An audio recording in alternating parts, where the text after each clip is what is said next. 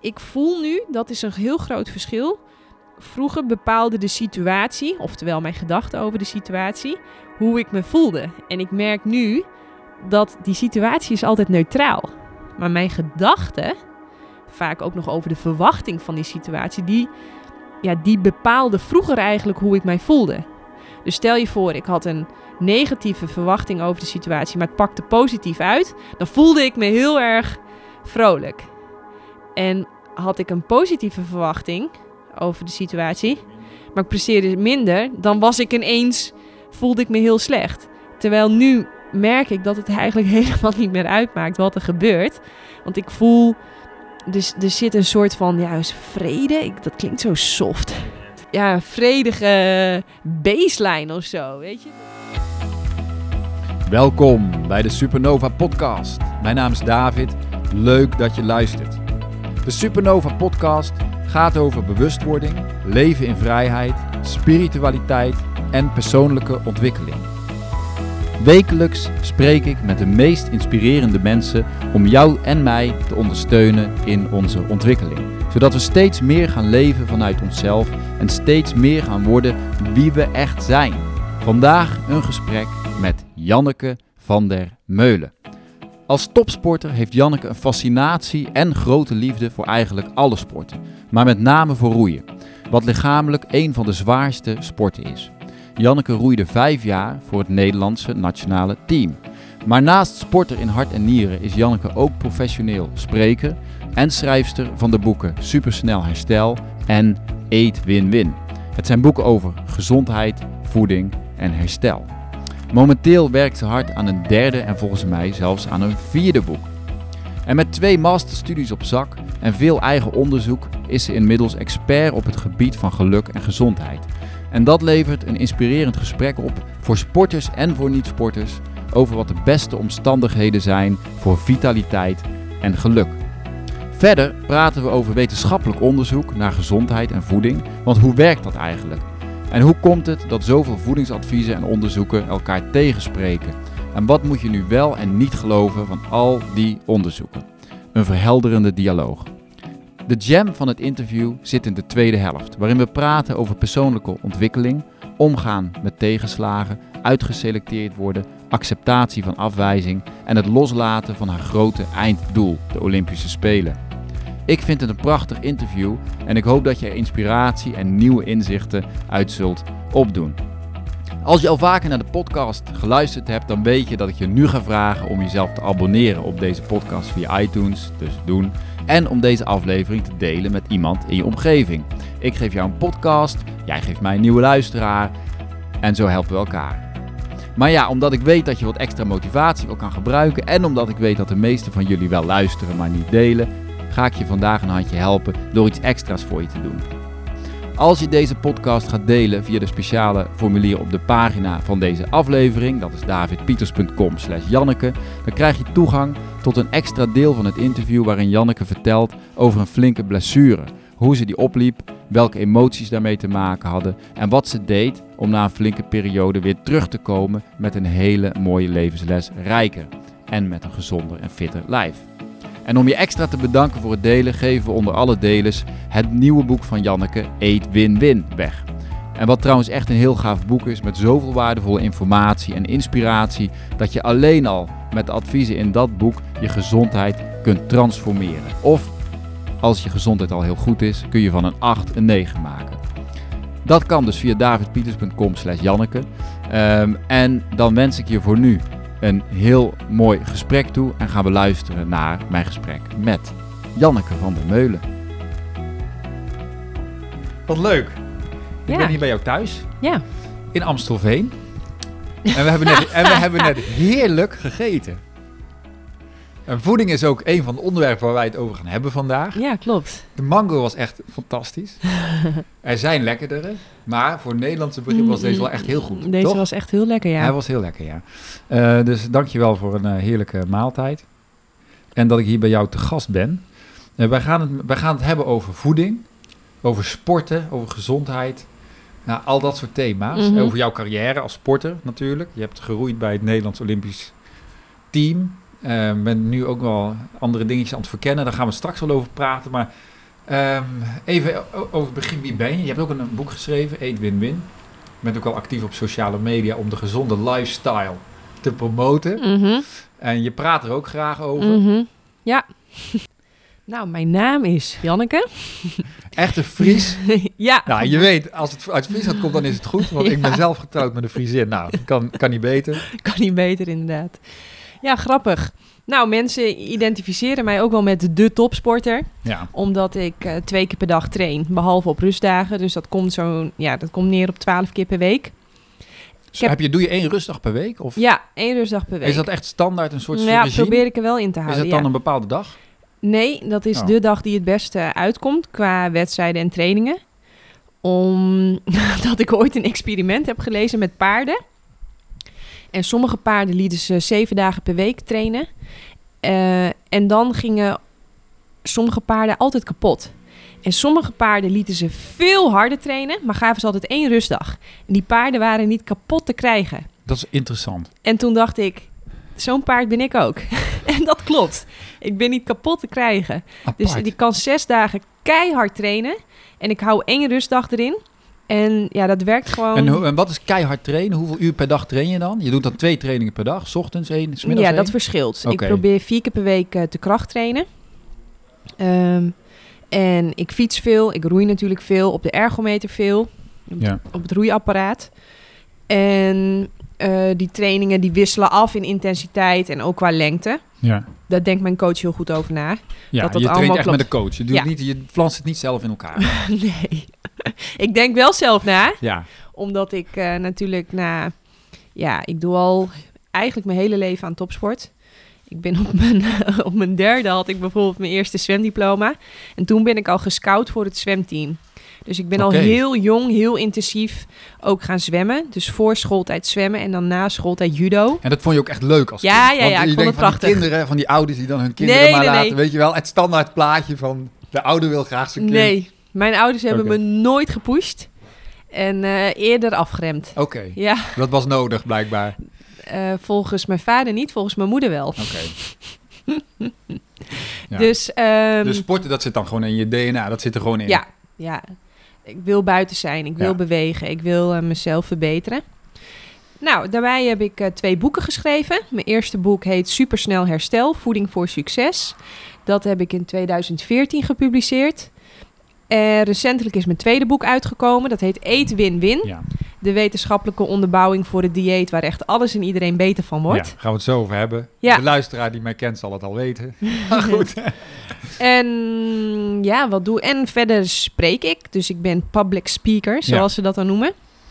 Dus ik kom, ja, ik spreek bij bedrijven om te praten over wat kun je eigenlijk ja, direct met een gezonde leefstijl bereiken. En dat Ja. is ontzettend veel. Ja. Eh, en daar coach ik mensen ook Ja. op. Omdat ja, heel veel mensen denken dat ze gezond eten. Maar Als je dan in het kastje gaat kijken. nou, Of- ik denk ook dat ze oprecht hun best doen. Maar als jij je best doet met de verkeerde adviezen, ja, dan kom je geen stap verder. Ja. En daar lopen heel veel mensen dus ook tegenaan. En Ja. daar help ik ze mee. ja. Gaan we het zo over hebben. Even jou, je bent dus als kind al heel veel gaan sporten. Wan- Wanneer wa- werd het echt al meer dan zeg maar eh, als kind hobby zijnde? Je werd al gescout, Oh, het is nog je? steeds hobby hoor. Nee, oké, maar ik bedoel hobby. Ja, maar hobby, je bent wel... Het is niet van, nou, ik zit bij de zwemclub en ik doe één keer in de week zwemmen. Nou, ik, dat vind ik wel grappig. Voor de buitenwereld ziet het er heel. eh, eh, het is het ook hoor, heel gestructureerd en serieus uit. Maar het, voor mij is het nog altijd hobby. En hoe serieus het ook altijd is geweest. Hè. Op een gegeven moment werd ik er zelfs voor betaald. Maar het, in mijn ogen is het hobby. Ik doe het. Ook toen Ja, ja, zeker. nog steeds als hobby. Ja, ja, ja. Het is voor mij, anders ben ik de hele dag aan het werk. En mijn werk is schrijven. Mijn werk is eh, blog schrijven. Eigenlijk is mijn, zit mijn werk is achter de computer. En in mijn ogen, ik, ik heb het gevoel dat ik dat niet een hele dag kan. Dus ik moet dat afwisselen met naar buiten, met naar bewegen. Ja. En ja, het enige verschil is, is dat het bij mij redelijk uit de hand is gelopen. Ja. En dat ik op een gegeven moment op EK's en WK's en wereldbekers roeide. Ja. Maar het is wel echt ja, Hoe, hoe, hoe is die roeicarrière? Je bent dus eh, altijd al je sport, middelbare schooltijd. eh, nou, toen bleek dat er talent in zat. Anders kom je er niet. Nee, Hè, ik heb op een hele atletische bouw en ik kan, eh, dat klinkt een beetje gek om van mezelf te zeggen, maar eh, eigenlijk alle sporten heel snel leren. En dat blijkt dus ook. Ik Ja. ben op mijn twintigste pas gaan roeien. Ik Oké. ben in Rotterdam gaan studeren. En het eerste jaar ben ik lid geworden bij een studentenvereniging. En, maar dat vond ik niet leuk genoeg. Nee. In de zin van ik miste... Als je samen eerst iets presteert, heb je ook echt iets om over te praten. Ja. En toen kwam ik per toeval in aanraking met roeien. En dat was echt liefde op het eerste Jij dacht gezicht. van roeien, dat lijkt me wel wat. Eh, nou, om het is eerlijk niet zo te zeggen... Het is niet echt een toegankelijke sport, toch? Om eerlijk te zeggen, waren er een paar hele mooie jongens die roeiden. En toen vond ik het ineens heel interessant. Dat helpt. Ja, dat- bij mij heeft dat heel erg geholpen. En toen dacht ik, nou, dan moet ik dat misschien ook maar eens proberen. En ik vond het direct geweldig. Het was ook Ja. direct, het was niet, het was roeien op het water gelijk. Ja, ja. En ik vond het echt, eh, echt prachtig. En wat Echt is er zo prachtig aan roeien? Het ritme, heel dicht op het water, in de natuur. Ja, dat ritme, die cadans, dat, die flow. Echt, sommige mensen gaan berg beklimmen zonder touwen... om helemaal in het nu te kunnen zijn. Hè? Als je berg beklimt zonder touwen... kun je niet denken aan de afwas... of aan wat je misschien goed had gezegd... of verkeerd had gezegd of anders had moeten doen. Je moet in het moment zijn, want anders val je te pletten. Dat is een manier. Maar je kunt ook heel veilig gaan roeien. Het is een soort runners high, maar dan roeiers high. Ja, eigenlijk. Nou ja, het is een hele veilige, simpele, geweldige manier. Een total body workout. Ja. Om direct in het nu te zijn. Want je moet gigantisch veel kracht leveren. Je moet heel veel conditie hebben. Maar je moet helemaal ontspannen zijn en in balans. En die combinatie maakt Want het... anders ehm, ga je schommelen. Ga je schommelen, maak je geen lekkere halen. Of Ja. sla je om. Of ga je niet hard. En die combinatie die maakt het... Ja, die, die maakt het dus fascinerend. Je moet Ja. zo geconcentreerd zijn en zo ontspannen en zo sterk en dat allemaal tegelijk. Dat je kunt met niets anders bezig zijn dan met dat. Ja, en dat is, vind ik, fascinerend. Dus op je twintigste ben je voor het eerst gaan roeien en dat was al heel snel ging je eh, Ja, vooruit. in, mijn, ja, in mijn tweede jaar ging ik ook al naar het studenten-EK. En toen vrij snel daarna zat ik ook in het Nederlands team. Ja.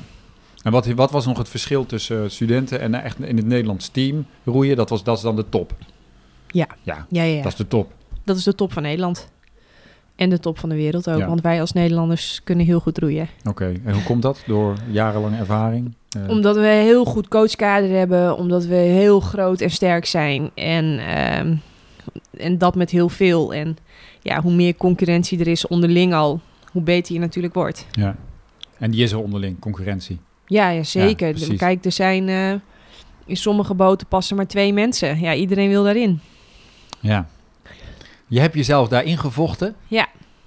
Ehm, Spelende wijze hoor, lachende. even- ja, lachende. Ja. Jij je bent eh, in ieder geval in zo'n boot terechtgekomen. Je, bent, je hebt vijf jaar geroeid voor het Nederlands team. Ja. En wat heb je bereikt? Even gewoon in, in sportprestaties spreken. Mm, vierde op het EK, zevende op het WK, zevende op de Wereldbeker. Ehm nou, in eh, Nederland studentenkampioen. Keer tweede van Nederland. In het twee zonder. Dat is Ja. ongeveer... eh, ja. En ook eh, dat roeien, dat gaat ook, dus niet alleen in Nederland. Ga je dus ook naar Engeland, andere landen, Ja, de hele internationaal. wereld. Heel de wereld Ja, heb je gezien daarmee. Ja, oké. Ehm, Oh nee, ik zeg eh, zevende op een WK. Dat was in 2014. En ik werd zesde in 2013. Dat was in Korea. Ja. Mhm. Maar je bent op een gegeven moment ook je voeding gaan bekijken. Ik was... eh, je bent wel opgegroeid in een, zeg maar, een, een standaard vleesetend gezin. Zeker, ja. ja. Wij aten echt alles. Eh, moet ik er wel bij zeggen dat mijn moeder had een hele grote groentetuin. Met 40 verschillende soorten groenten verbouwde ze zelf. En als kind lust ik... Ja, nog steeds hoor. Ik lust echt alles. Dus mijn moeder kon mij letterlijk alles geven. Ik frat echt alles op. Ehm, op mijn vijftiende... Oké, nee, en ik kwam als kind... had ik een juf, juf Maartje... en die was vegetariër. Oh. En ja, die legde... het Dat uit- vertelde ze ook in de klas. ja, Of- dat legde ze uit in de klas. Dat ze het een beetje gek vond dat we heel goed zorgden voor een hond. Maar dat we een even lief, intelligent en voelend wezen als een varken... s'avonds dan opaten. En toen dacht ik, ja, dat is inderdaad heel Een gek. Slimme juffrouw. Ja, dus eh, ik kwam thuis en ik zei tegen mijn ouders van... nou, ik wil ook vegetariër worden, want om deze en deze reden. Nou, dat vonden mijn ouders een hartstikke nobel idee, maar dat gingen we dus niet doen. Oh. En ehm, dus ik mocht geen vegetariër worden. dus dat Wat vond je eh, daarvan? Nou, dat vond ik huilen natuurlijk. Heb je daarna ook nog wel echt gewoon vlees gegeten? Of weigerde je te eten? Of wat? Ik, ik heb het een paar dagen eh, geweigerd. En, maar mijn moeder sneed het gewoon Ja. in stukjes en dan eet je het Ja. gewoon op. Ja. En dan hou je je poot niet stijf. En dan, eh, want ze overtuigde mij ook dat als ik groot en sterk wilde worden, iets wat ik heel graag wilde, dat ik dat dus dan ook wel moest eten. Dat hoorde er gewoon bij. En toen op mijn vijftiende ehm, had ik altijd honger. Heel vervelend. Dan zat ik te studeren. En dan had ik eigenlijk net de hele koelkast leeg gegeten. En dan zat ik en dan dacht ik... "Ah, ik heb die hele koelkast net leeg gegeten. Maar om nou te zeggen dat ik verzadigd ben... Nee. Ik heb eigenlijk nog steeds honger. En toen kwam internet er nog... Je sport al wel veel toen? Ja. ja dus, eh, zwemmen heb ik op heel hoog niveau gedaan. En eh, judo. En zeilen altijd smiddags. En skileren. ja, En- altijd in beweging. ja. Net als mijn dochter eigenlijk, die is ook altijd... Ja, Ja. precies. Eh, maar in ieder geval, ondertussen was ik 15 en altijd honger. En toen kwam internet kwam op. En toen typte ik op de zoekmachine die we destijds hadden, Alta Vista of zo, altijd honger. En toen stuitte ik op een wetenschappelijk artikel wat ze, waarin ze een experiment hadden gedaan met ratten. En die ratten die gaven ze vijf verschillende drinkpunten. En een van die drinkpunten, eh, vier drinkpunten waren water. En het vijfde drinkpunt was water met suiker. En zodra ratten dat drinkpunt met geraffineerd suiker ontdekten, veranderden die ratten in ware junks. Die konden niet meer rustig liggen, die konden niet meer ontspannen. Nee, die waren de hele tijd, liepen ze naar dat drinkpunt toe. En toen dacht ik, oh mijn god, ik, ik lijk wel zo'n zo'n rattenjunk. Ik kan gewoon niet eens me even concentreren of ik denk dat ik alweer honger heb. En toen heb ik van de een op de dag alle geraffineerde suikers geschrapt.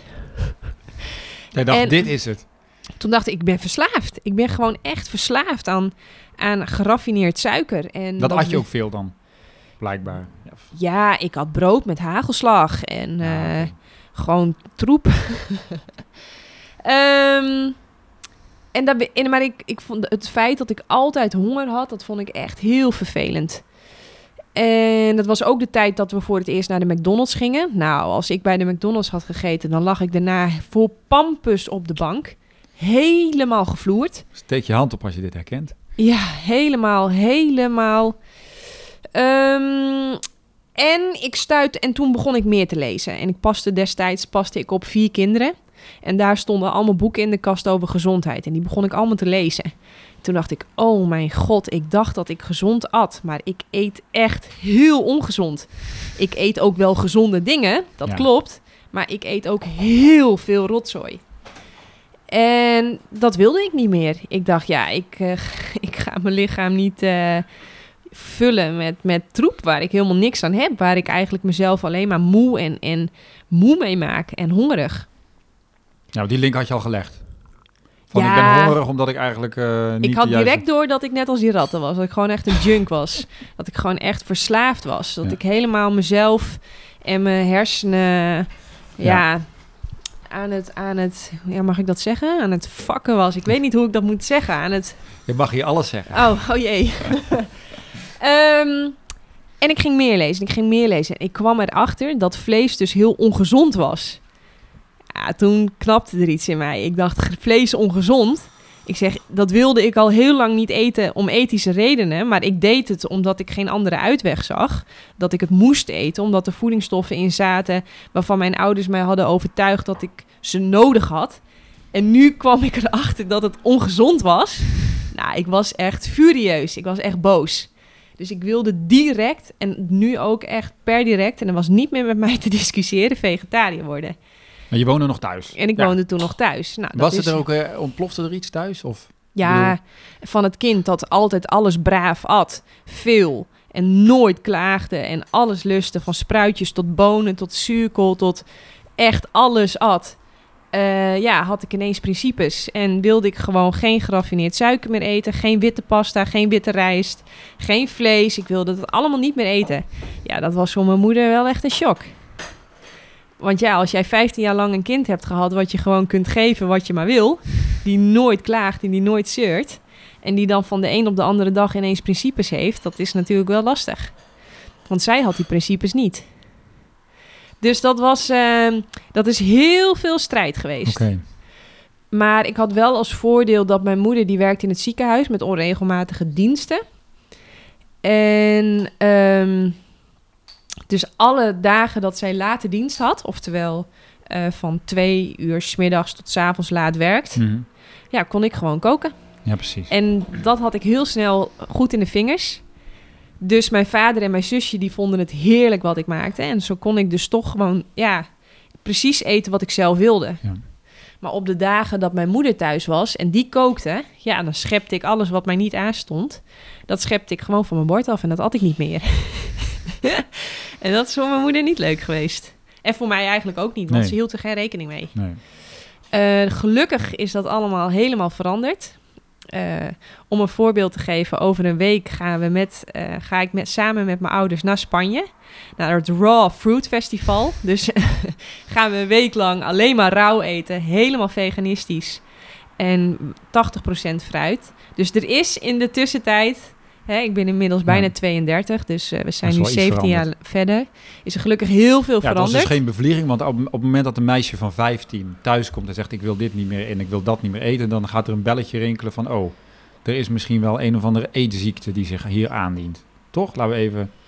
Ehm, Ik kan me Hmm. voorstellen dat een luisteraar dat ook wel denkt van ja, een meisje van 15 die wil dit niet meer, dat is wel een beetje eh, gezond oké, maar dat is wel een beetje overdreven. Ja, sommige leraren zeiden ook, Janneke, eet je niet te gezond? maar ik was zo overtuigd van eh, dat die troep, eh, dat, dat dingen die geraffineerd zijn, dingen die uit de fabriek komen, dingen waar voedingswetenschappers heel erg aan hebben zitten knutselen, ehm, die kunnen nooit op tegen iets waar wij van nature voor zijn gemaakt, zoals fruit en bessen en bladgroen en kruiden en kiemen. Dat, dat, dat wist ik gewoon direct, van dat klopt. En ik voelde ook direct, hoe meer ik een overeenstemming ga eten met waar mijn lichaam voor is gemaakt, hoe beter ik me voel. Ja, Dan voel ik de- me echt verzadigd. Dan kak ik niet in. Eh, Ja, want dat- wat gebeurde met je honger? ja, dat, dat loste zich op. Oké. Eh, ik, ik, ja, ik leerde mezelf van dingen die op korte termijn heel lekker lijken, zijn eigenlijk helemaal niet lekker. Die geven je niet die verzadiging, niet die energie die echt eten je wel geeft. Ja, en zo, als je dat ervaart, ja, dan ben je om. Dan wil je jezelf nooit meer volstoppen met iets wat, wat eigenlijk helemaal niet eens lekker is.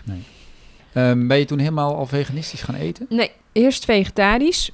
Maar ik kwam er heel snel achter dat het als topsporter heel dom is eigenlijk om, geen, eh, om zuivel te eten. Zuivel blokkeert namelijk de opname van ijzer. En ijzer is een mineraal wat als topsportende vrouw, wat je heel graag wil. Dus praktisch was ik veganist. Eh, maar ik heb nog heel lang kwark gegeten. Eiwitten of zo? Of- Ja, omdat ik natuurlijk gebrainwashed was, net als al, alle andere sporters, dat het heel belangrijk is om heel veel eiwitten te eten. Nou, dat is dus echt niet waar, maar ehm, dat dacht ik.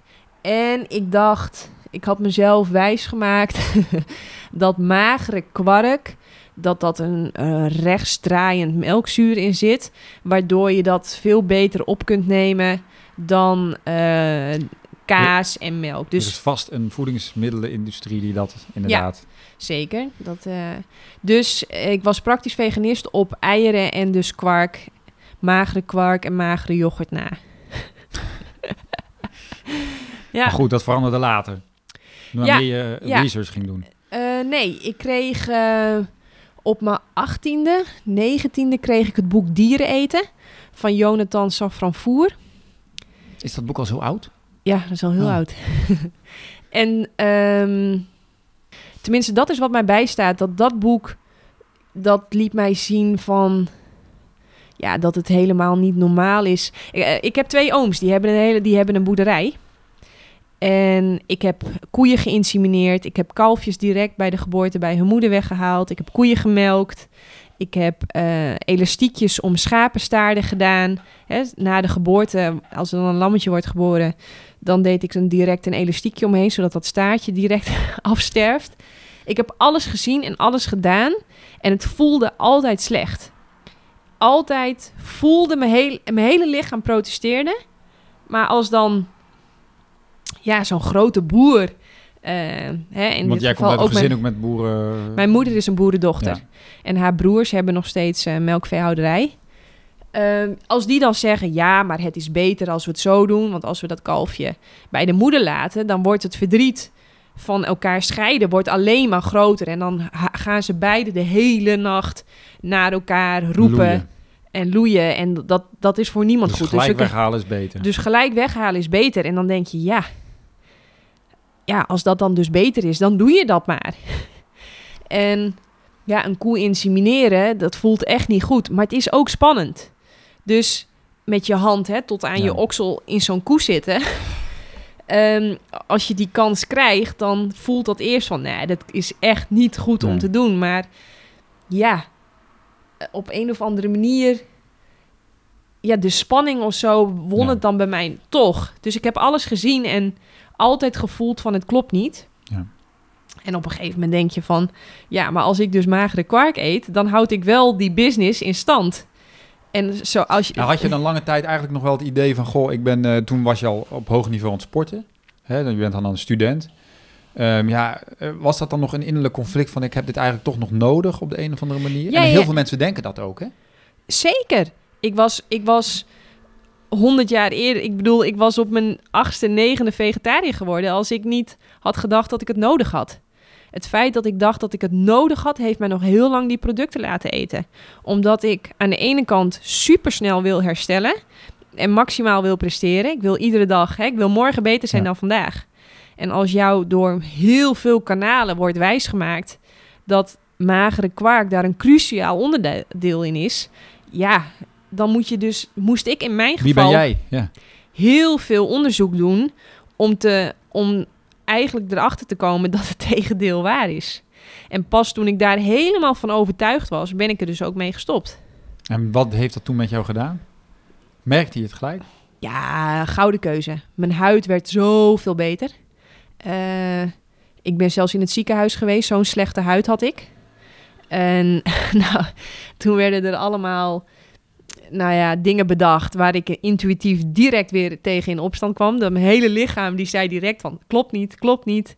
Maar ja, toen moest ik toch weer helemaal ook met mijn hoofd het daarmee eens zijn. En toen ik daarmee eens was, eh, ja, ben ik dus helemaal plantaardig gaan eten. En dat, mijn huid is nu echt perfect. Terwijl volgens de dokter had ik allemaal chronische aandoeningen. Ja, dat is chronisch, hè? Dus eh, ja, dat La- ik- Laten we even terug naar eh, het... Jij had het over herstel, is belangrijk. Dus je hebt een vrij intensief trainingsregime wat je volgt. Ja. En ehm, hoe zit het met herstel en sporten? Kun je even het verhaal vertellen van een sporter? Je, je, je, je laat stress op je lichaam. Je moet herstellen. Herstellen is het belangrijkste om beter te worden. En het verschil tussen eh, dierlijke en niet-dierlijke producten in herstel. Nou kijk, als ik het trainingsschema van de Nederlandse roeiers vergelijk met het trainingsschema van de Australiërs of eh, de Engelsen of de Duitsers of de ehm, ehm, Nee. nou, andere goede, goede roeilanden, dan verschilt het eigenlijk niet zoveel wat wij doen. Ja, de een gaat op maandag kracht trainen, de ander op woensdag en op vrijdag. Maar hoe de, de trainingen verdeeld zijn qua sprinttrainingen, lange duurtrainingen, dat is eigenlijk de hetzelfde. volume, volume is min of meer identiek. Iedereen doet eigenlijk hetzelfde. En als je echt hard traint als roeier, train je max vier uur op een dag. Meer kun je niet echt trainen. Omdat je anders gewoon over de top gaat. Over de top. Daar is roeien veel te intensief voor. Want je gebruikt letterlijk iedere spier tussen je teen en je vingertoppen. Alles is bij roeien in het spel. Toen viel mij op, als je verschil wil maken, dat kan niet in die trainingen. Want iedereen doet hetzelfde. En je kunt eigenlijk, als je minder gaat doen, red je het niet. Als je het meer gaat doen, red je het ook niet. Dus we zitten allemaal een beetje in datzelfde protocol. Ja. Verschil kun je maken in die 20 uur die er overblijven. En dat is heel erg veel. Ja. Want iedere dag, hè, als je 7 keer 20, dat is 140 uur. Dat, en dus 7 hoe keer herstel 4, je na vier uur trainen eigenlijk? Daar kun je verschil maken. Als jij verschil wil maken ten opzichte van andere landen, moet je die 20 uur, die moet je heel slim aanpakken. Eh, slaap, licht, zonlicht en natuurlijk ook wat je eet en drinkt. En hoe meer je dus in overeenstemming gaat leven met waar je als mens eigenlijk voor bent gemaakt. Dus dat is 7 uur zonlicht of in ieder geval daglicht. Eh, dat is zo'n 10 uur slaap. Hè, in het ritme van dag en nacht. Ja. Licht en donker. En heel veel fruit en bessen, bladgroen, kruiden en kiemen. Als je dat allemaal gaat toepassen in die 20 uur die er overblijven, ja, dan ga je zien dat je echt gigantische stappen gaat maken. ja, en dat heb jij ook gemerkt bij jezelf. Ja, ja, ja. Goh, ja, het is natuurlijk altijd heel moeilijk meetbaar. Hè? Van, ja, je wordt beter door te trainen. Nee, je, maar je, wordt ook beter door wat je eet. Ik bedoel, nou, je het ziet is best in- wel lastig, toch? Ja, dat is het- lastig. Alleen je ziet het heel duidelijk terug, bijvoorbeeld aan je huid, aan mijn huid. Die werd zoveel beter. En. Mijn nagels werden zoveel beter. Mijn tanden werden zoveel beter. Ehm, dus je ziet het wel Jij heel voelt erg het terug. gewoon in je lijf, voelde je het. Ja. ja precies. Het feit dat ik altijd inkakte na een maaltijd. Nu heb ik direct na een maaltijd energie. Het feit dat ik, als ik slecht at, eh, echt, echt voor pampers op de bank lag. Gewoon gevloerd. En dat heb ik helemaal Nee. niet meer. Ehm, mensen praten wel eens over, ik ben moe. Dan denk ik, ja, ik train ook heel hard. Maar ik, ja, ik ben niet moe. Nee, nee precies. Ehm, en mensen hebben ook heel vaak, ja, die hebben... Heel veel mensen Maar goed, jij, jij, jij, jij schuift het wel allemaal op je voeding. Bedoel, nou, of- ook op... Het is natuurlijk... ja, voeding, maar ga maar heel gezond eten en niet slapen. Nou, dan kun je nog heel gezond eten, maar dan presteer je helemaal niets. Slaap is super belangrijk. Je kunt super goed slapen, super gezond eten, maar als je de hele dag jezelf opsluit in huis en je hebt dus geen daglicht en geen zonlicht, zul je niet presteren. Eén wat ik bijvoorbeeld heel opvallend vind is de Nieuw-Zeelanders zijn een land die als roeiers gigantisch goed presteren. En mijn hypothese is dat dat komt omdat die eh, het hele jaar door meereizen met de zon. Dus als het hier winter is, dan trainen zij thuis in de zomer. En als het hier zomer wordt, komen zij en daar winter, komen ze hier naartoe om weer de hele zomer mee te pakken en hier alle wedstrijden te Hoe roeien. doen zij dat? dat doen zij. Dus zij hebben twaalf maanden per jaar hebben zij zomer. En ik denk dat dat voor een heel groot verschil zorgt. Ja. Want vitamine D, zonlicht en daglicht is ongelooflijk belangrijk. Er zijn zelfs mensen die daarop kunnen leven. Hè, prana living Hmm. noemen we dat. Die kunnen gewoon alleen van zonlicht leven. Want zonlicht en licht in je ogen op je huid is ongelooflijk belangrijk voor je herstel, voor je welbevinden Ja. en dus voor je gezondheid. Dat is ook herstel na sport, inderdaad. Ja, Nou, zeker. Ik, ik, ik, ik ben natuurlijk, ik ben er ook helemaal voor promoten plantaardig eten, maar ik denk ook wel eens van ja, uiteindelijk is het ook een kwestie van hard trainen. En voeding maakt wel een verschil, Oh, maar hoe groot is dan dat verschil? Snap je? En dat zal jij ook wel te horen krijgen. Ja, klinkt allemaal leuk en aardig, maar uiteindelijk moet je hard trainen. Je Helemaal bent met geen je Olympisch eens. kampioen geworden, hoe hard je ook trainde. Ik noem maar iets, hè? Dus eh, wat is het verschil tussen... Snap Kijk, je wat ik bedoel? Als wat je eet bepaalt hoe goed je bent, dan zou iedereen in de koelkast zitten. Uiteindelijk bepaalt hoe slim jij traint, ehm, ja, hoe, hoeveel progressie je uiteindelijk zult Ja. boeken. Maar dat, dat trainen en dat herstellen kun je wel faciliteren in die 20 uur. Door dus heel slim te eten, heel veel buiten te zijn en heel slim te slapen. Slim te ademen en je te omringen met leuke mensen en positiviteit. Ja, het totale plaatje uiteindelijk is het... Nou, dat, dat maakt of jij op de toppen van je kunnen presteert. Kijk, dat ik, de, dat ik nog geen Olympisch kampioen ben, wil niet zeggen dat ik nooit op de toppen van mijn kunnen heb Nee. gepresteerd. Precies. Met dat Twingo-motortje van mij, hè, als je Ja. mij tussen echte roeiers zet, dan ben ik een van de kleinste. Ja. Maar ondanks dat eh, kan ik, skif ik als een van de snelste. Ja. Dus blijkbaar doe ik iets heel slim met dat kleine motortje wat ik heb, om toch concurrerend te kunnen zijn. En ik zie wel eens meiden die hebben een veel beter genenpakket dan wat ik heb. Die hebben een veel betere basis dan ik ooit zal krijgen. ja, qua spierbouw of qua... ja, gewoon die zijn, veel, ja. die zijn gewoon echt een maatje groter en zwaarder dan dat ik ben. En dat is, ook, die- dat is ook gunstig voor roeien. Ja, ja, Ja. dat is echt gunstig. En als die meiden ook nog eens slim zouden eten, slapen en naar buiten zouden gaan, nou dan, dan Dan gaan ze. echt een gat maken ten opzichte van mij. Ja. Maar als zij dus wel een heel goed genenpakket hebben, maar niet zo slim die 20 uur indelen, ja, dan kan ik dus concurrerend met ze Ja. blijven. Ja, ik, ik prikkel jou expres, omdat Ja, ik even ja. dit wil horen. Ja, ja, leuk. Hè, Ja. Dus ik denk van ja, iemand die luistert kan ook kritisch zijn en zeggen... ja, klinkt allemaal leuk, eh, Janneke, Ja, maar eh, hoe zit dat dan eigenlijk? ja. Hè? Slechts vierde op een EK, slechts zesde op een WK. Dan Ja. doe je dus toch iets ja, fout. dus je zit wel te zeggen dat het allemaal aan die planten ligt, maar... eh, Nou ja, dus eh, gezond eten, heel veel fruit en dus heel veel daglicht. Heel Ja. goed slapen. Ehm, dat is minst en keihard trainen natuurlijk. Een Ja. heel slim trainingsprogramma hebben. Ja. Even En, de eh, voeding. Hè. Jij, jij, jij, jij spreekt, je hebt ook een boek geschreven over het, het supersnel herstel. Want Mhm. we, we, daar zijn we nog niet, hebben we nog niet, niet echt aangeraakt als het om voeding gaat. Ehm, het verschil tussen wanneer je puur een veganistisch, plantaardig voedingspatroon volgt of... Hè, wat doet dat in je lijf als het gaat om herstel? Ja, hoe meer jij eigenlijk in overeenstemming gaat eten met het menselijk lichaam. Kijk, onze handen, tanden, enzymen in onze mond en de zuren in onze maag, de lengte van onze darmen. Wij zijn helemaal ontworpen voor het hè, spotten, plukken, eten en verteren van fruit en bessen. Ja. Dus een hond geef je ook geen broodje pindakaas. Nee, waarom niet? Omdat een hond daar niet voor gemaakt is. Ja. Eh, zelf eten we dat wel.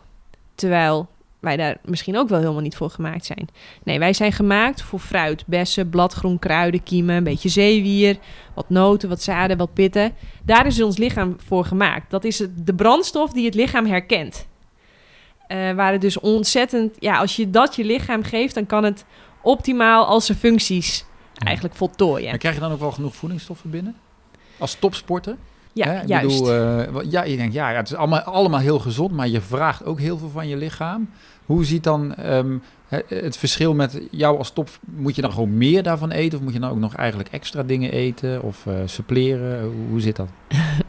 Ja, leuke vraag. Het, het, ehm, dit is juist de voeding waar je, waarmee je zult merken dat je echt gaat accelereren. Ehm, moet je meer eten? Ja, je moet meer Je eten. verbrandt veel meer. Want je verbrandt meer. Als je met een auto 50 kilometer per dag gaat rijden, dan hoef je minder vaak te tanken dan wanneer je met een auto 200 kilometer per dag gaat rijden. Maar je moet er niet ineens andere brandstof in gooien. En een menselijk lichaam is dusdanig intelligent dat stel je voor je gooit de suboptimale brandstof in, dan wil het zo graag blijven overleven dat het het zeker tot je 30ste, 40ste nog wel het beste van maakt. Ehm, kijk, een auto gaat gewoon direct stilstaan als je daar de verkeerde brandstof in gooit. Maar het menselijk lichaam wil zo graag leven dat het, nou ja, wat ik zeg, vaak tot je 30ste, 40ste levensjaar haalt het er nog Voordat wel de ziektes beginnen. Of Ja. de, kwa- de de kwaaltjes. kwaaltjes. Hè, dat, Ja. het, dat de motor hier en daar begint te haperen. Ja, ja, ja, precies. Ehm, en het, het, het herstel heeft het verschil met bijvoorbeeld de dierlijke producten. Wordt toch die kwark, hè? om even die eiwitten Ja, te pakken. Die kwark, ja, maar we moeten toch kwark, die eiwitten na die training. Die spieropbouw. Nou, wat je eet Wat- is altijd een package deal. Dus je eet niet alleen die eiwitten in kwark. Nee, je eet die eiwitten in die kwark zitten verpakt in kwark. nou, naast dat die eiwitten helemaal niet nu- nuttig zijn en niet gunstig en niet ja, optimaal samenwerken met het menselijk lichaam, ehm, ja, zitten verder, er zitten geen vezels in, geen vitamine C in. Terwijl iedere lichaamsfunctie in je lijf is afhankelijk van vitamine C. Dus iedere functie heeft vitamine C nodig. Nou, toevallig zit dat wel in overvloed in fruit, bessen, bladgroen, kruiden en kiemen en dat soort dingen. Maar dat zit niet in kwark. Dus ondanks dat er wel heel veel eiwit in zit, er zit er verder eigenlijk helemaal niets nuttigs in. En ook nog in een package deal die voor je lichaam helemaal niet handig is. Dus je eet niet alleen eiwitten, nee, je eet kwark. En dat is direct het nadeel van kwark. Ehm, dus je moet altijd kijken naar ik snap wel dat wij 100 jaar geleden zijn wij eh, zijn de voedingswetenschappers die zijn zich heel erg gaan focussen op voedingsstoffen. Maar we eten geen voedingsstoffen, we eten voedingsmiddelen in een voedingspatroon. Ja. En het is dus veel slimmer om je te focussen op een gezond voedingspatroon dan op losse voedingsstoffen. Voedingsstoffen zijn niks voor het lichaam. Het lichaam wil voedingsmiddelen. En hoe natuurlijker en hoe beter die package deal is eigenlijk, Ja, die je consumeert, ja, hoe, hoe beter voor je ja, lijf. precies. Wat ik heel interessant vind en wat ik ook altijd uitleg, is hoe kan het dat iedereen iets anders zegt over gezonde voeding? Hoe kan het dat er zoveel discussie is over iets wat zo ongelooflijk belangrijk is voor het menselijk lichaam? Ja. Hoe kan dat? Hoe kan het? Leg Ja. eens uit. Jij zegt nu dit, maar ja, Ja. ik hoor heel vaak dat. Precies. Moet ik jou dan geloven? Wie moet ik, wat moet ik geloven? Nou, precies. Dit is het dilemma van de moderne mens anno 2018. Hoe kan het dat iedereen iets anders zegt en wie moet ik in godsnaam geloven? En dat leg ik altijd aan, uit aan de hand van wetenschap. Ik heb twee masters gedaan. Ik heb gestudeerd aan de Erasmus Universiteit. En eigenlijk het belangrijkste wat ik daar heb geleerd is hoe werkt wetenschappelijk onderzoek? Hoe beoordeel je de bewijskracht van verschillende onderzoeksmethoden? En hoe implementeer je die resultaten Mhm. vervolgens in de praktijk? En dan zie je dat omwille van geld en de druk om te presteren, dat er Mhm. heel veel onderzoeken worden gedaan in reageerbuizen en in petri dishes. Oké. Noem eens een voorbeeld van iets. Of... Er worden altijd losse stoffen worden Oh, in Oké, en als het gaat om voedingsstoffen bedoel je? ja, Oké. Waarom wordt dat gedaan? Waarom vindt het gros van het onderzoek plaats in reageerbuizen en petridishes? Om de simpele reden, dat is Makkelijk. simpel, overzichtelijk, het is goedkoop, het is snel. Maar je hoeft natuurlijk niet heel- intelligent te zijn om te begrijpen dat twee losse stoffen in een reageerbuis, ja, dat dat veel te simpel is in vergelijking met het complexe lichaam wat wij hebben en het complexe leven wat wij leiden. Mhm. Nou, dan heb je nog eh, onderzoek op dieren. Nou, dat weten we ook al heel lang. Dat dat niets, maar dan ook helemaal niets zegt over hoe diezelfde stoffen vervolgens reageren in een mensenlichaam. We weten, hebben al heel vaak gezien dat iets wat gunstig wordt getest op bijvoorbeeld honden of paarden of konijnen, eh, dat dat het tegenstelde effect heeft op mensen. Dus duizenden dieren worden per jaar eigenlijk nutteloos ja, eh, getest voor, ja, voor helemaal niets. Wetenschappelijk gezien hebben dat soort onderzoeken 0,0 bewijskracht. Dus het, het is wel belangrijk dat dat gebeurt, vooral die onderzoeken in petri dishes ehm, en reageerbuizen, maar wetenschappelijk gezien weinig bewijskracht. Nou, dan heb je nog, ehm, ja, dat noemen we case studies. Ja. Dus eh, je gaat bijvoorbeeld tien, eh, tien mensen twee weken lang volgen. Nou, dat is ook interessant, zulke onderzoeken, maar wetenschappelijk gezien heel weinig bewijskracht. Alleen, de krant staat vol met dat soort onderzoeken.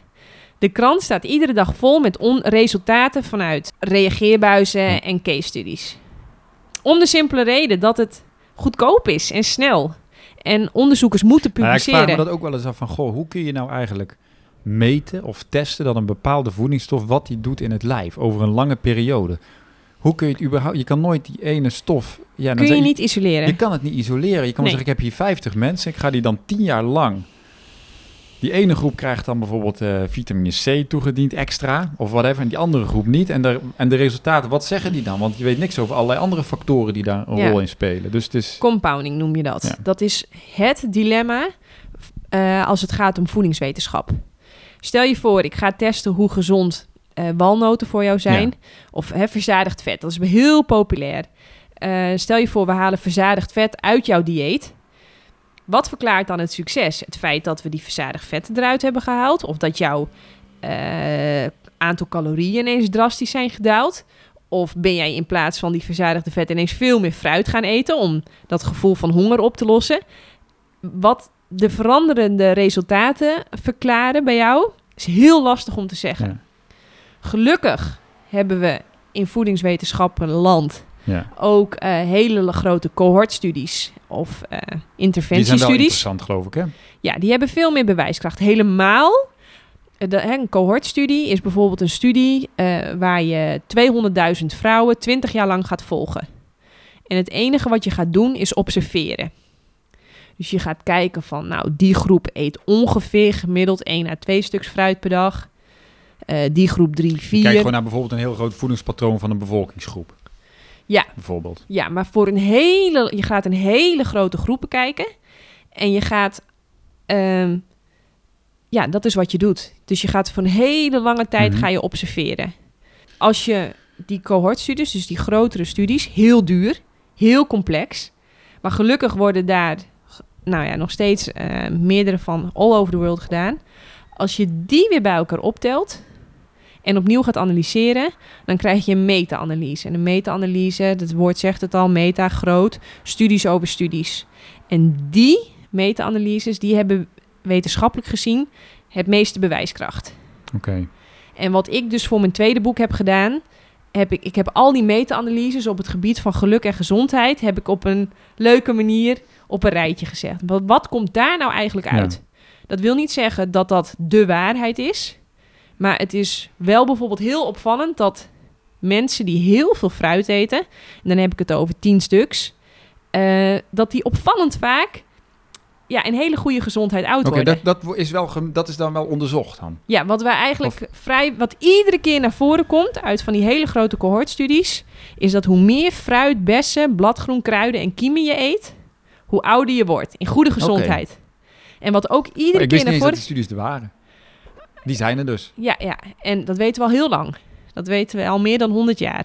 Zo is onderzoek naar voeding ook begonnen. Echt waar? On- het viel onderzoekers op dat eh, bevolkingsgroepen die heel veel plantaardig aten, dat die significant gezonder oud werden. En toen, en toen is het fout gegaan, want toen zijn onderzoekers die stelden zich de vraag: welke stoffen in dat pa- voedingspatroon zorgen er eigenlijk voor dat ze zo oud worden? En toen, nou, Het voedingspatroon was het antwoord, alleen dat was niet genoeg. Nou, en sindsdien zijn er dus heel veel vitamine C-pillen op de markt. Omdat ze erachter kwamen dat alles wat ze eten, daar zit heel veel vitamine C in. Nou, dat, is, dat was het begin van de voedingswetenschap. Ehm, Leuk Dus- om te weten wel. Ja, dus we wisten al eigenlijk wat het succes was. Maar we, wij wilden verklaren welke specifieke ja, dingetje? stofjes in dat voedingspatroon, in dat leefpatroon, in die leefstijl, nou het succes verklaarden. Ehm, nou, en inmiddels weten we ook dat hoe, als jij bijvoorbeeld één keer per week een heel klein stukje vlees eet, nou dan, dan daalt je eh, levensverwachting Levensverwachting. al significant. Hè, dus de kans op allerlei ziektes neemt gigantisch toe. Bij één klein stukje vlees per dag, per week al. Dat is, dat is gigantisch. Dat is dus al onderzocht eigenlijk. Dat weten we al heel lang, ja. Dat weten we al heel lang. Dat weten we... Nou, dit is natuurlijk groot nieuws geworden nadat op een gegeven moment de Wereldgezondheidsorganisatie vorig jaar, wanneer was het, over het rood vlees, hè, de carcinogenen in vlees. Ja. Nou, toen was het opeens groot nieuws, maar in wetenschapsland. weten we dat al meer dan nieuws? 100 jaar. We weten al meer dan 100 jaar dat hoe meer dierlijke producten jij eet, hoe groter de kans op nou ja, alle soorten ziektes die je maar kunt bedenken. En dat is ook heel simpel. Ons lichaam is er niet voor gemaakt. Onze darmen zijn er niet voor gemaakt. Onze handen, onze tanden, we zijn er niet voor gemaakt. Ehm, wat ik ook altijd opvallend vind is dat de meeste mensen die kunnen zelf helemaal geen dier pakken, vermoorden en vervolgens klaarmaken. Dat, dat kunnen ze helemaal niet. Dat, dat zit Nee. gewoon niet in onze natuur. Ja. Ik vind het ook altijd leuk als jij een baby eh, laat spelen, hè, een konijn en een appel geeft. dan wil het dat konijn gaan aaien en die appel gaan opeten. Nou, een baby niet, maar een peuter wel. Terwijl als je een kitten, een jong katje, loslaat in een ruimte met een konijn en een appel, dan gaat het spelen met die appel, maar dat konijn zal het aanvallen. Terwijl dat zit helemaal niet in ons instinct. Wij zijn daar helemaal niet voor gemaakt. Ja, precies. Eh, en dat zien we, dat weten we dus ook al Wat meer zijn dan... nog meer interessante dingen die jij in je boek eventueel beschrijft, maar die uit die, die grote metastudies eh, naar voren komen over eh, gezondheid en lo- longevity, le- lang leven? Ehm, nou, heel veel mensen die denken ook dat je vis nodig hebt. Terwijl vis is ongeveer het allerongezondste wat je kunt eten. Ja, komt dat omdat vanwege onze huidige situatie op aarde, of was dat vroeger ook al zo? Ga ik natuurlijk een beetje En en, tricky. en en. Vis is... eh, A, we zijn er niet voor gemaakt. En B, de vis tegenwoordig zit zo gigantisch vol gifstoffen eigenlijk... dat het is om meerdere redenen ja, heel ongezond om te eten. En welke dierlijke producten je eigenlijk ook verhit... zodra je een, di- een dier gaat eh, bakken en braden... dan die stoffen die dan, hè, dan, dan eh, verbranden die eiwitten en dan verbranden die vetten...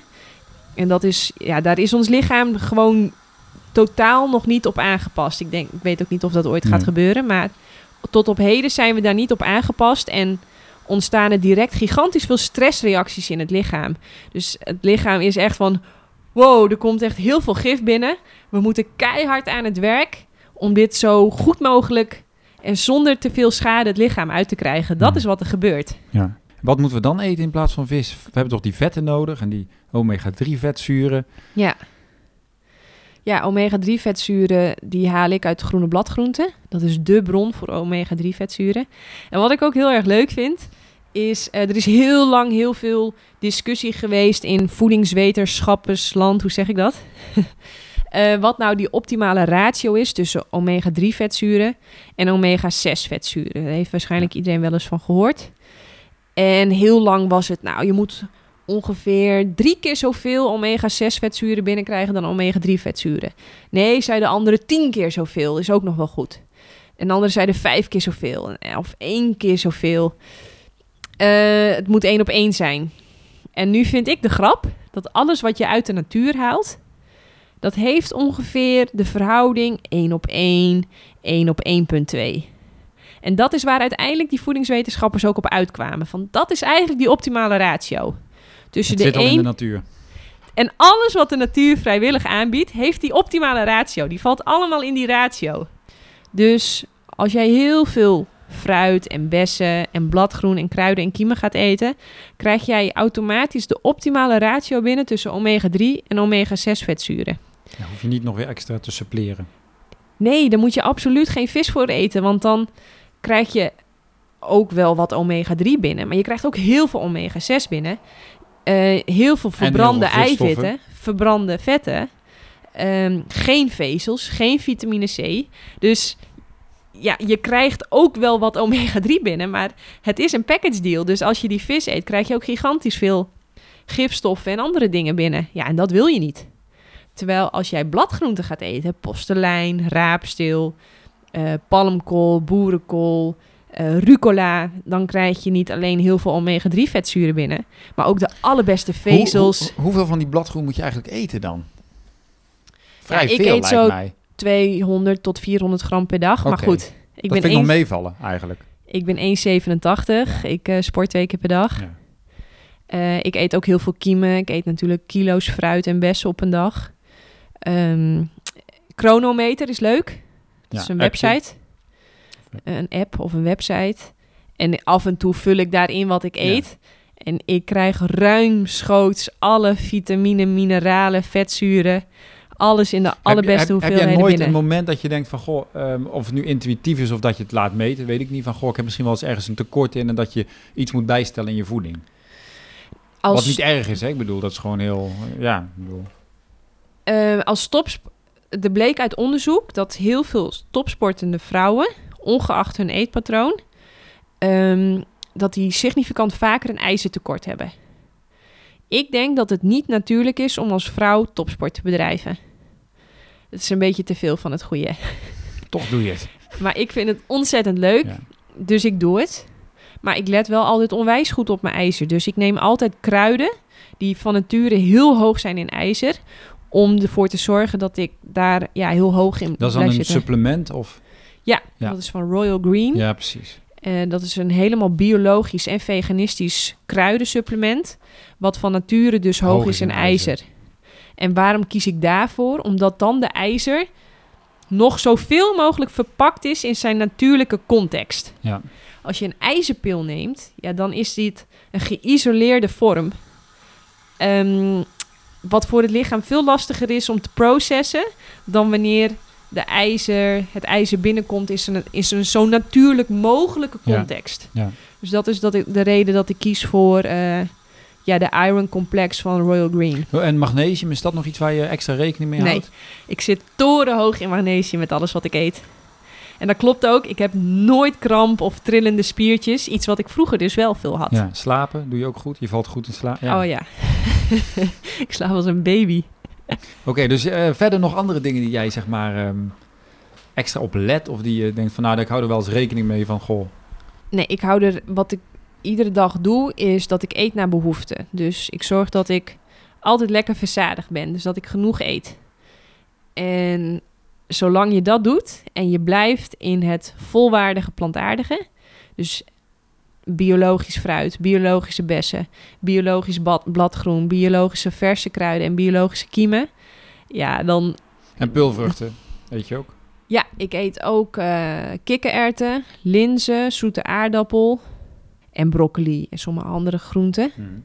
Ja, toch vinden heel veel mensen dat echt wel best een uitdaging. En dat is ook zo, want niemand wordt op, de meeste mensen worden niet opgevoed met een echt plantaardig en onbewerkt voedingspatroon. Alles zit wel in pakjes en zakjes.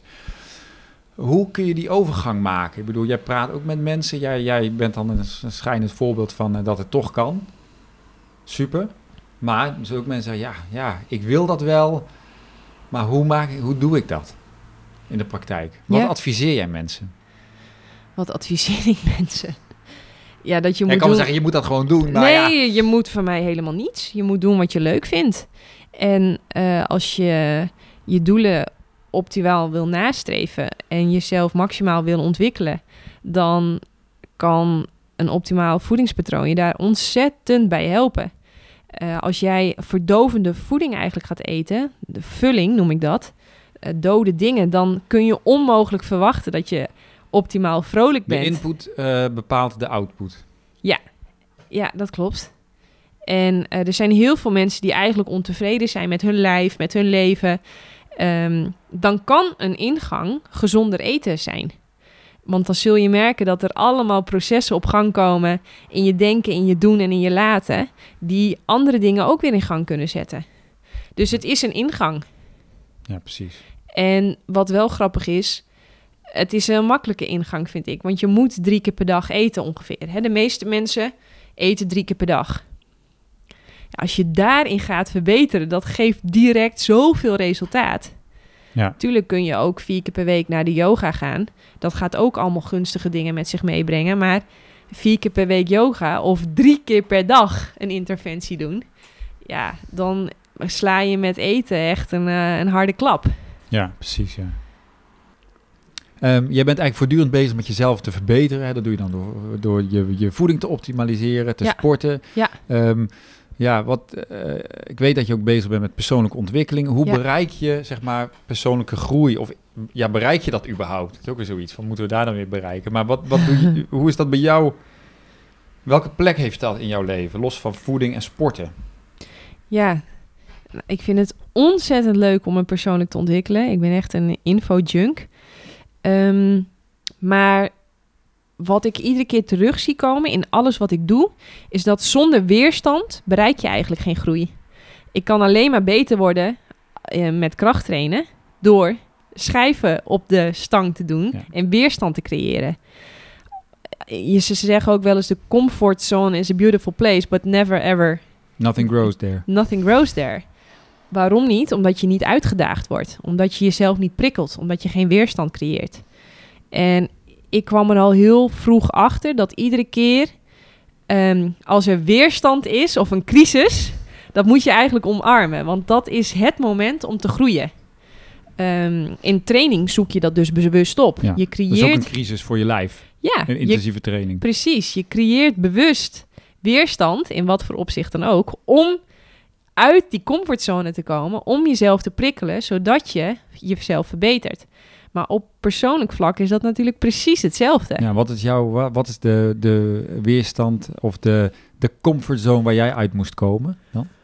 Ehm, nou, dus er zijn gewoon allemaal dingen eh, qua communicatie bijvoorbeeld. Hè? Als jij soms botst met mensen, dan kun je wegblijven uit die situaties door die mensen te gaan vermijden. Maar je kunt ook naar jezelf gaan kijken in de spiegel van... hey, hoe kan het eigenlijk dat ik met die mensen bots? Waarom botsen ze wel met mij en niet met iemand anders? Eh, op wat voor manier communiceer ik eigenlijk? En allemaal dat soort dingen. Maar dat, dat moet je heel leuk vinden. Ja, jij vindt Eh. het leuk. En dat is, hoe, hoe is dat dan bij jou? Eh, je noemt communicatie. Was het dan ook een ding waar je tegenaan liep? Ja.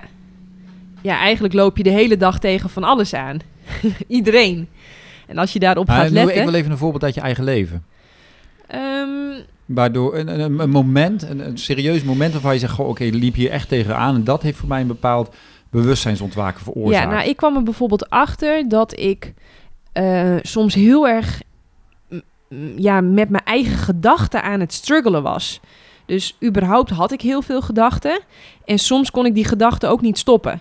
Dus dan was ik zo aan het denken, "Wel, als dit, als dat. En als ik dit niet had gezegd, dan had, had ik dat misschien moeten zeggen. En had ik het niet beter zo aan kunnen pakken. En wat denken ze wel nu niet van mij? En eh, allemaal dat soort dingen. En toen dacht ik van, zo, wat zou het fijn zijn als ik die gedachten zou kunnen stoppen. Of in ieder geval als ik daar invloed op zou kunnen hebben. Want voor, de meest, voor mij en voor de meeste mensen waren die gedachten net als mijn spijsvertering en mijn hartslag. Het was iets, Je kon het niet stoppen. ik kon het niet stoppen. Het was gewoon iets wat met mij aan de haal ging.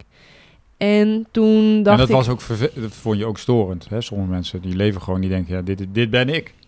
Ik denk, Oh ja, ik denk dus ik ben. ik denk, ik heb deze gedachte. Het is zo. Ja, het het- is zo, ja. Ja, nee, ik voelde heel erg dat, dat, dat ik die gedachte niet was, maar dat die gedachten wel heel veel invloed op mij hadden. Ja. En dat vond ik heel vervelend. En ja, toen ben ik daar ook heel veel eh, onderzoek naar gaan doen. En toen kwam ik op de boeken van Eckhart Tolle. Mhm. En dat, ja, dat, daar ben ik zo blij mee, met die boeken. Ehm, ik zal een voorbeeld noemen. Ik, heb- ik, ehm, als je als roeier moet je heel veel testen doen op de ergometer. Dat is een roeiapparaat. En soms... Wat test je dan? Je lichaam. ja, je kracht. test eh, de wattage. oh ja. ja. Dus de wattage die je kunt leveren over 2 kilometer. Of de wattage die je kunt leveren over 6 kilometer. En bij sommige testen, een 2 kilometer test, die duurt ongeveer 7 minuten. Was ik soms na 10 seconden al bezig met hoe ik me de laatste haal zou eventueel zou kunnen voelen. Dus ik was 0,0 in het moment. Ik was al helemaal met mijn gedachten in de toekomst. Waardoor ik soms zo in paniek raakte dat Hou ik dit wel vol? dit kan ik. Eh, Fysiek Ja, maar je? stel je voor, ik hou het niet vol en ik faal, dan word ik misschien uitgeselecteerd. En als ik uitgeselecteerd word, dan kan ik niet naar de Olympische Spelen. En als ik niet naar de Olympische Spelen kan, dan, Dan houdt mijn leven op. dan houdt misschien mijn leven op. En waar doe ik het dan voor? En nou, dan, oftewel, ik was. Nou, het zijn vrij ik vind het logische gedachten. Ja, als je topsport, je moet jezelf voortdurend blijven bewijzen. ja, maar Maar als het jij is niet fijn. als jij tijdens een test zulke gedachten hebt, dus als jij tijdens je test dus eigenlijk volledig over wordt genomen door die denker, de zoeker, je mind, je ego, hoe je het ook maar wil noemen, eh, dat is niet functioneel. Als topsporter ben jij optimaal, en als mens denk ik ook, als je gewoon in het moment bent. En als jij, en de situatie is altijd neutraal. En wat je als topsporter eigenlijk, het enige wat je kunt doen, is met alle kracht, techniek en conditie die je hebt, iedere keer een optimale haal te leveren. En waar je dan eindigt, dat zie je dan wel. Maar je kunt, het is niet functioneel om als topsporter met zulke gedachten bezig te zijn. En eigenlijk in gevecht te zijn met jezelf en je eigen gedachten. Ja. En ik ben wel heel blij dat ik, ehm, nou ja, dat. Krijgen Heb- topsporters mental coaching? Jij niet dus? Eh, ik heb dat zelf opgezocht. Oké. Omdat ik dusdanig eh, last had eh, op sommige momenten van die gedachten. In de boot was ik helemaal in de flow. Dan kon ik altijd helemaal vrij in het moment. En dan, want dan is die techniek is zo uitdagend, dan heb je geen tijd voor gedachten. Maar op het roeiapparaat binnen, ehm, ja, zaten die gedachten mij soms zo het is in de toch een- weg. echt een soort test waar je voor moet slagen dan in je hoofd. dat Ehm, was misschien ook echt zo. Ja, ja, ja, klopt. Is ook zo. Gewoon faalangst. Ja. Gewoon faalangst. Maar die angst is helemaal niet reëel. En nou ja, dat weet ik niet. Als jouw jouw eh, Olympische droom daarvan afhangt. Eh, dat klopt. Maar dan is de tweede vraag: helpt het? En dan is het antwoord Nee. duidelijk nee.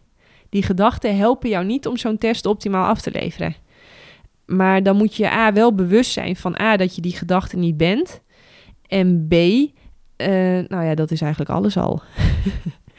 dus eh, oké, jij, jij, jij, eh, hoe, hoe heb je dit dan, hoe heb je die gedachte dan uiteindelijk kunnen, ja, wat is ermee gebeurd? Nou, wat, wat mij heel erg heeft geholpen is dat je je bewust wordt van A, dat jij dus die gedachte hebt, maar niet bent. Ja, Het dus feit Eckhart dat Tolle zijn, zijn teaching eigenlijk, hè? Ja. Grotendeels, ja. ja, Eckhart Tolle is echt een van de belangrijkste leer- coaches eigenlijk. ja. Ik heb hem nog nooit gezien, de beste man, maar ik heb zijn boeken, zijn beide boeken. eh, Ik moet altijd lachen als ik hem zie. Oké, ja. Zijn beide boeken. Positief, hè? Ja, zijn beide boeken heb ik, eh, nou ja, misschien wel tien keer nu inmiddels geluisterd. En ja, hij is een van mijn allerbelangrijkste coaches. Eh, dat, dat is eh, die lessen die ik van hem heb geleerd, die, ja, die, hebben, die brengen mij dagelijks, denk ik, waar ik nu ben. Ja, wat is het belangrijkste eigenlijk wat je eruit meeneemt? Als het even gaat om dat moment van die gedachte bijvoorbeeld. Ja, hij schrijft er inderdaad uitgebreid over. Je bent niet je gedachte, je hebt je gedachten. Maar ja, je hebt ze toch. ja, ik merk dat ik nu nauwelijks meer eh, van Nee. dat die, dat die gedachten. Daarom vind ik het denk ik ook zo lastig om Ja. dat nu. ja, waar zijn die gedachten dan? Nou, heel soms zijn ze er ineens weer. En dan waar ik vroeger mij daar helemaal mee identificeerde met dat drama eigenlijk. Denk ik van, hé, hey, hey, grappig, daar zijn ze weer. En het feit dat ik ze dan even observeer en er bijna om lach, dan zijn ze ook alweer weg. Dat, Ja. dat, ja, dat geeft Maar is er ook zo... een deel in jou wat, wat misschien nu anders kijkt naar jouw prestatie dan bijvoorbeeld toen? Hè? Wat misschien die Olympische droom was zo groot en allesomvattend. En dat dat nu wat minder belangrijk is voor je. Speelt dat ook nog een rol? Ja, ik denk wel dat ik eh, veel dankbaarder ben eigenlijk eh, wat het me allemaal heeft gebracht en ehm, veel ontspannender, veel Ja. minder krampachtig. Ik was zo gefocust op dat einddoel dat eh, hoe daar te Ja, komen. dat einddoel, de Olympische Spelen. Ja, Ja, je Ja. hebt me dat eerder ook verteld, hè, van dat was alles. ja. Nu, nu sta je daar iets ontspannender in. Of, Nou, ik moet wel zeggen dat de droom er nog wel steeds is. Dat ik het zou, het, lijkt me echt fantastisch om daar deel te nemen. Maar ik weet dat ik als mens niet een faalhaas ben als ik daar niet, als ik dat niet, als ik dat misschien niet ga halen. Ik weet ook dat het aan mijn persoon niet zal veranderen en dat ik me even gelukkig voel. Ja, nu of, of ik er wel ben of niet ben, dat maakt. Ik voel nu, dat is een heel groot verschil vroeger bepaalde de situatie, oftewel mijn gedachten over de situatie, hoe ik me voelde. En ik merk nu dat die situatie is altijd neutraal.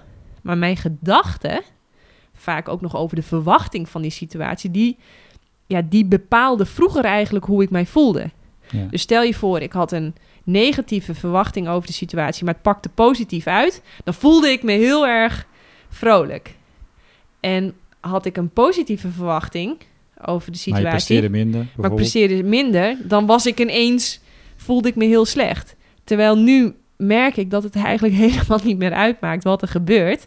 Want ik voel, dus er zit een soort van, ja, is vrede. Ik, dat klinkt zo soft. Nee, dat klinkt helemaal niet soft. Als dat Oh. zo is, dan is dat zo. Oké, ja. maar er zit nu zo'n ja, vredige baseline of zo, Ja. weet je? Dat, Maar is het dan ook niet zo dat jij, dat jouw, ehm, ja, je verwachting of hoe, hoe hè, dat is- ik kan me helemaal voorstellen, topsporten. Je wil gewoon naar die Olympische Spelen. Ja. Dat, daar moet alles voor aan de kant. En dus Ja. is die spanning ook heel goed te verklaren, vind ik. Ja. Ja. ja, dus logisch dat je dan die spanning en die stress voelt op, die, op dat roeiapparaat.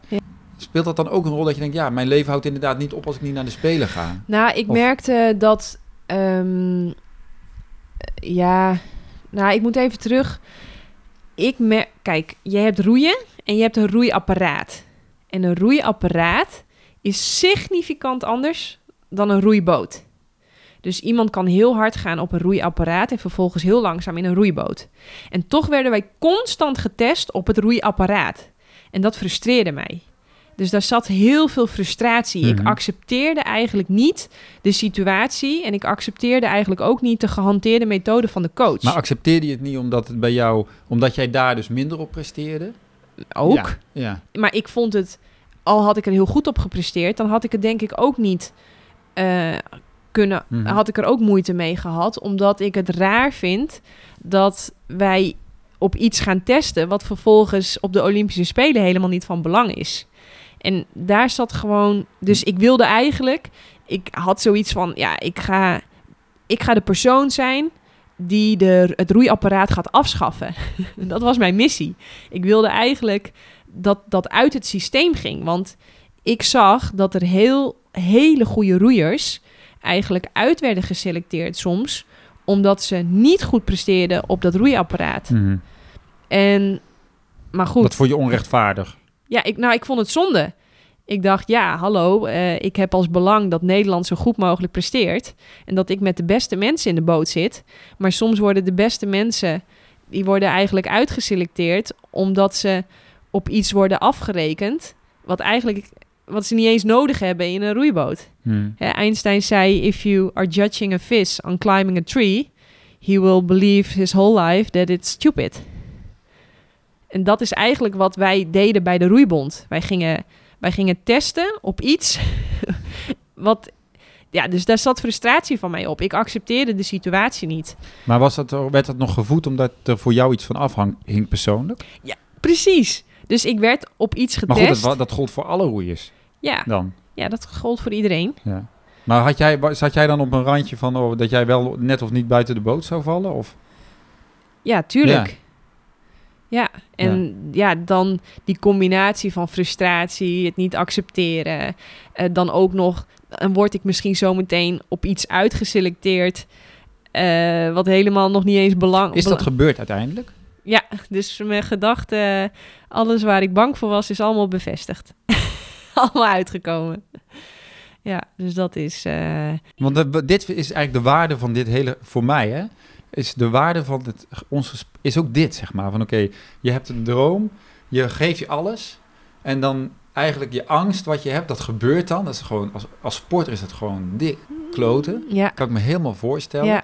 En dan, hoe ga je daar dan mee om? Ja, precies. Nou ja, die crisis, die moet je dus eigenlijk... Dat is een, de mooiste kans. De mooiste kans voor persoonlijke ontwikkeling. Want in het begin was ik ook heel boos op de coach.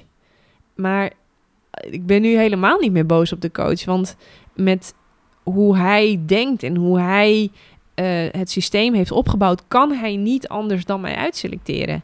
Dus hem dat kunnen vergeven en mezelf ook kunnen vergeven... dat is... Ja, eigenlijk kan je geen mooie cadeau krijgen.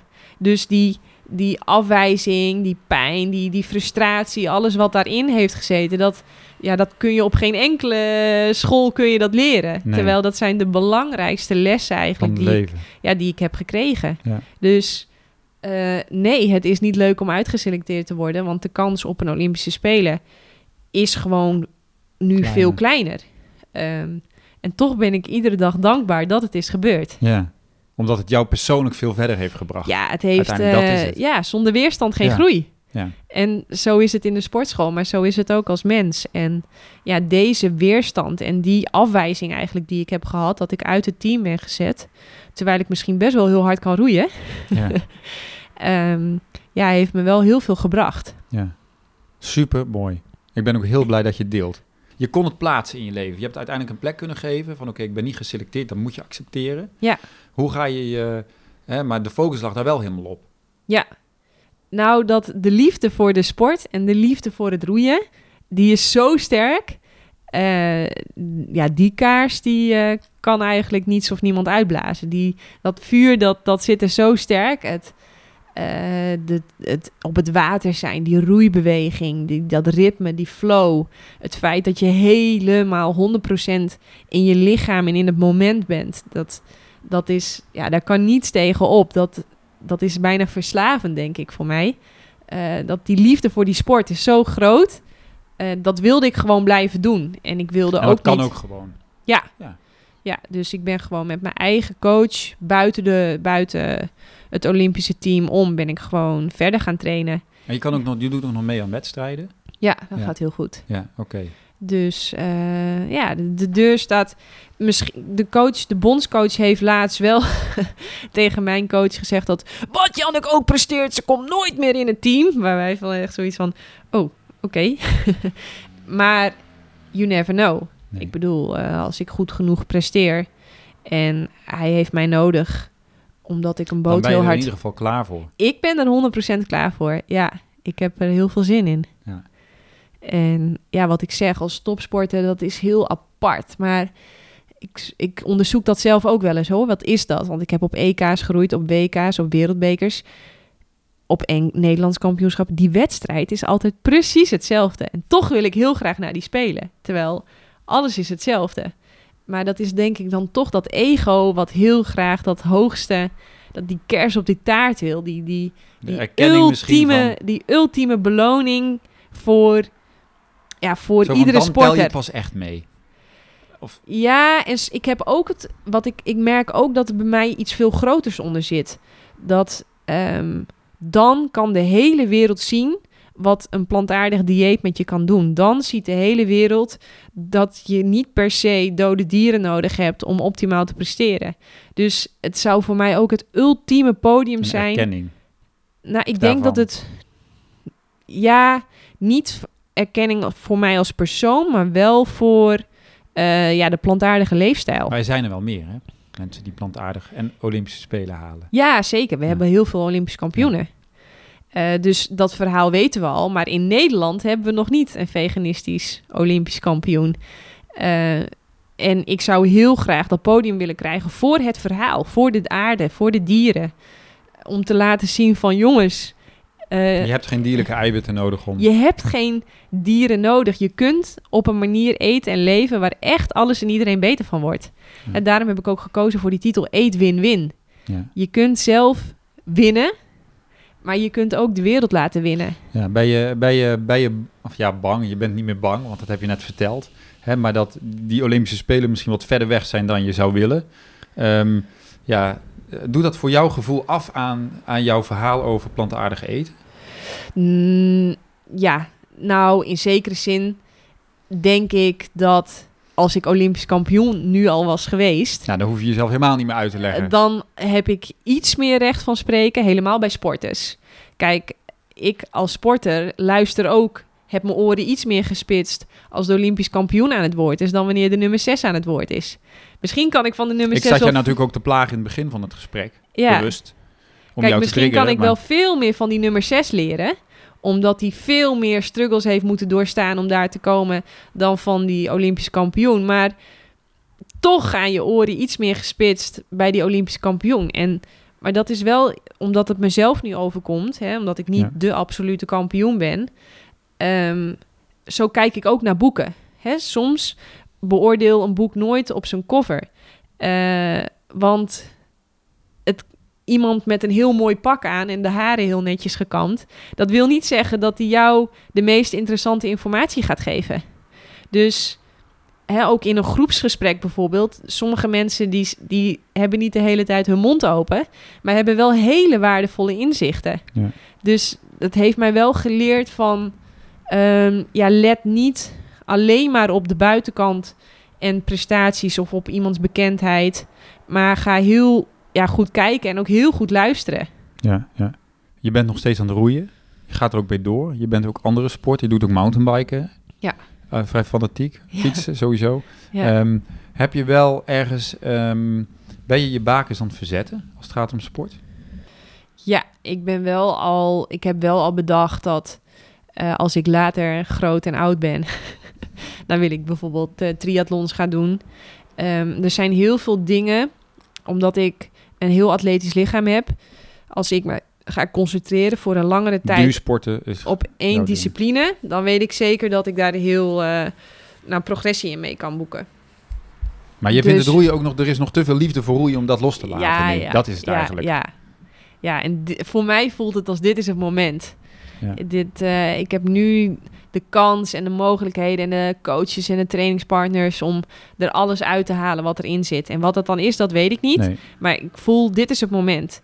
En een triathlon of een mountainbike wedstrijd of een, eh, nou ja, hè, een, eh, een wedstrijd op de racefiets of hardlopen of trailruns. Ja, dat kan ik mijn hele leven nog doen. Terwijl roeien, voor mijn gevoel, moet dat nu gebeuren. Ja. Of moet dat nu? Dat klinkt heel Nee, maar op krampachtig, dit niveau... maar ja. ja, op dit niveau is dit het moment. Ja. Het is zo eigenlijk moeilijk roeien.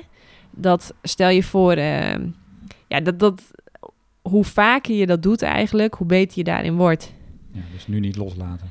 Voor mijn gevoel, eh, ja, ik vind Maar het ook veel te dus, lol. maar dus niet meer met het idee van... ik moet naar die Olympische Spelen als een dwangmatig. Nee, helemaal Ja, niet. nee. Mensen vragen mij dat ook heel vaak. Wat zijn je doelen? Dan denk ik, oh ja, wat zijn mijn doelen? Ja, morgen beter zijn dan vandaag. Dat is altijd mijn doel. Ehm, mezelf ontwikkelen, dat is mijn doel.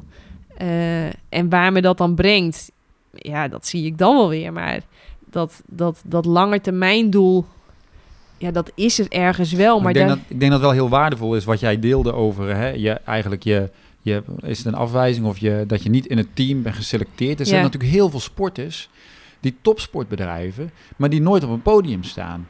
Ja. De meeste sporters, Ja. de meeste topsporters komen nooit op een podium. nee, je verliest veel vaker de dan dat meeste je wint. sporters zijn nooit zichtbaar op de Olympische Spelen. Nee, klopt. Dat er klopt. zijn heel veel topwielrenners Ja, dat klopt. die je niet ziet. Nee, wat dat betreft is topsport heel hard. Je Ja. moet op het podium staan. Eh, tenminste, als dat je doel is. survival of the fittest, zeg maar, hè, wat dat betreft. Of the strongest. Maar Ja. ik vind wel heel, eh, wat ik zelf inspirerend vind als ik naar jou luister, is je drive. En het is vooral je liefde voor sport. Ja, dat voor is, de, de... liefde voor de sport is waarom je het doet. ja, om het buiten zijn, de beweging. Eh, je krijgt er een ontzettend fit lichaam voor terug. En dat fitte lichaam, dat brengt mij letterlijk over de hele wereld. Eh, dat, ja, dat zorgt ervoor dat ik naast die trainingen me altijd onwijs goed kan concentreren. Dat ik boeken kan schrijven, dat ik heel veel kan lezen. Dat ik altijd vrolijk ben, fit, enthousiast. Dat komt ook omdat dat lichaam gewoon in topvorm is. En ja, dat, de, ja ik denk dat iedereen die nu bijvoorbeeld zich niet fit voelt, maar heel veel geld op de bankrekening heeft, precies snapt wat ik bedoel. Dat is onbetaalbaar. Ja, ze zeggen ook wel, fit is het nieuwe rijk. Ja. Ja, en daar ben ik het heel erg mee eens. Fit zijn, jezelf echt fit voelen, energiek zijn, echt stralen, eh, je, de, de doelen bereiken die je graag wil, leven ja, met het leven waar jij blijkbaar hiervoor op aarde bent, om het maar even lekker zweverig Ja. te zeggen. Dat is dat, ja, ik voel me heel erg bevoorrecht dat ik echt mijn passie kan leven. Dat Ja. ik het verhaal wat ik al zo jong voelde van leef gewoon op waar het lichaam voor gemaakt is. Dat Ja. ik dat over de hele wereld kan verspreiden. Dat, dat voelt heel goed. Ja. Janneke, we gaan het hierbij. We gaan het afronden, maar super bedankt dat ik hier mocht zijn. Ehm, het wordt al donker buiten. Waar kunnen mensen jou vinden? Social media? Ja, social media, Instagram, Instagram. Janneke, Janneke van der Meulen. En mijn boeken heten Eet, Win, Win en Supersnel Herstel. Eh, die kun je vinden bij Ecoplaza, de biologische supermarkt van Nederland. Je kunt ze vinden op bol.com. Je kunt ze natuurlijk bij mij kopen. Eh, en je publiceert op je website. ja. Dus ook jannekevandermeulen.nl. jannekevandermeulen.nl En daar vind je ook eh, Artikelen, nou. Artikelen. En ik zou natuurlijk super graag willen komen spreken bij jouw sportclub of je, bij jou, op jouw bedrijf. Ehm, Ja, nou, mooi. Ja, dan kunnen ze jou contact met jou opnemen. leuk. Ja, Ehm, heel goed. Oké, bedankt eh, Janneke. Ja, jij ook bedankt Ja. David en heel veel succes. Dankjewel. Oké, dat was hem weer. Ehm, je hebt er tot het eind toe geluisterd, wat ik super leuk vind. En Janneke waarschijnlijk ook. Ehm, en zoals ik in het begin zei, als jij dit interview eh, leuk en waardevol vindt, dan eh, kun je, eh, en kun je er geen genoeg van krijgen. En dan kun je ehm, nog meer beluisteren door ehm, via mijn website dit interview te delen met iemand. Dan krijg je toegang tot een extra gedeelte waarin Janneke en ik spreken over haar blessure. En vooral de oorzaak van die blessure, die ligt niet alleen in, lichamelijke, in een lichamelijk deel, maar ook eh, eh, heeft het te maken met emoties. Zij vertelt daarover. Eh, het is heel boeiend en interessant. Dat kan via davidpieters.com slash Janneke. Dat was hem. Ik wens jou eh, een hele fijne week. En volgende week dan ben ik bij je terug met weer een nieuwe aflevering van de podcast. Dankjewel voor het luisteren en tot ziens.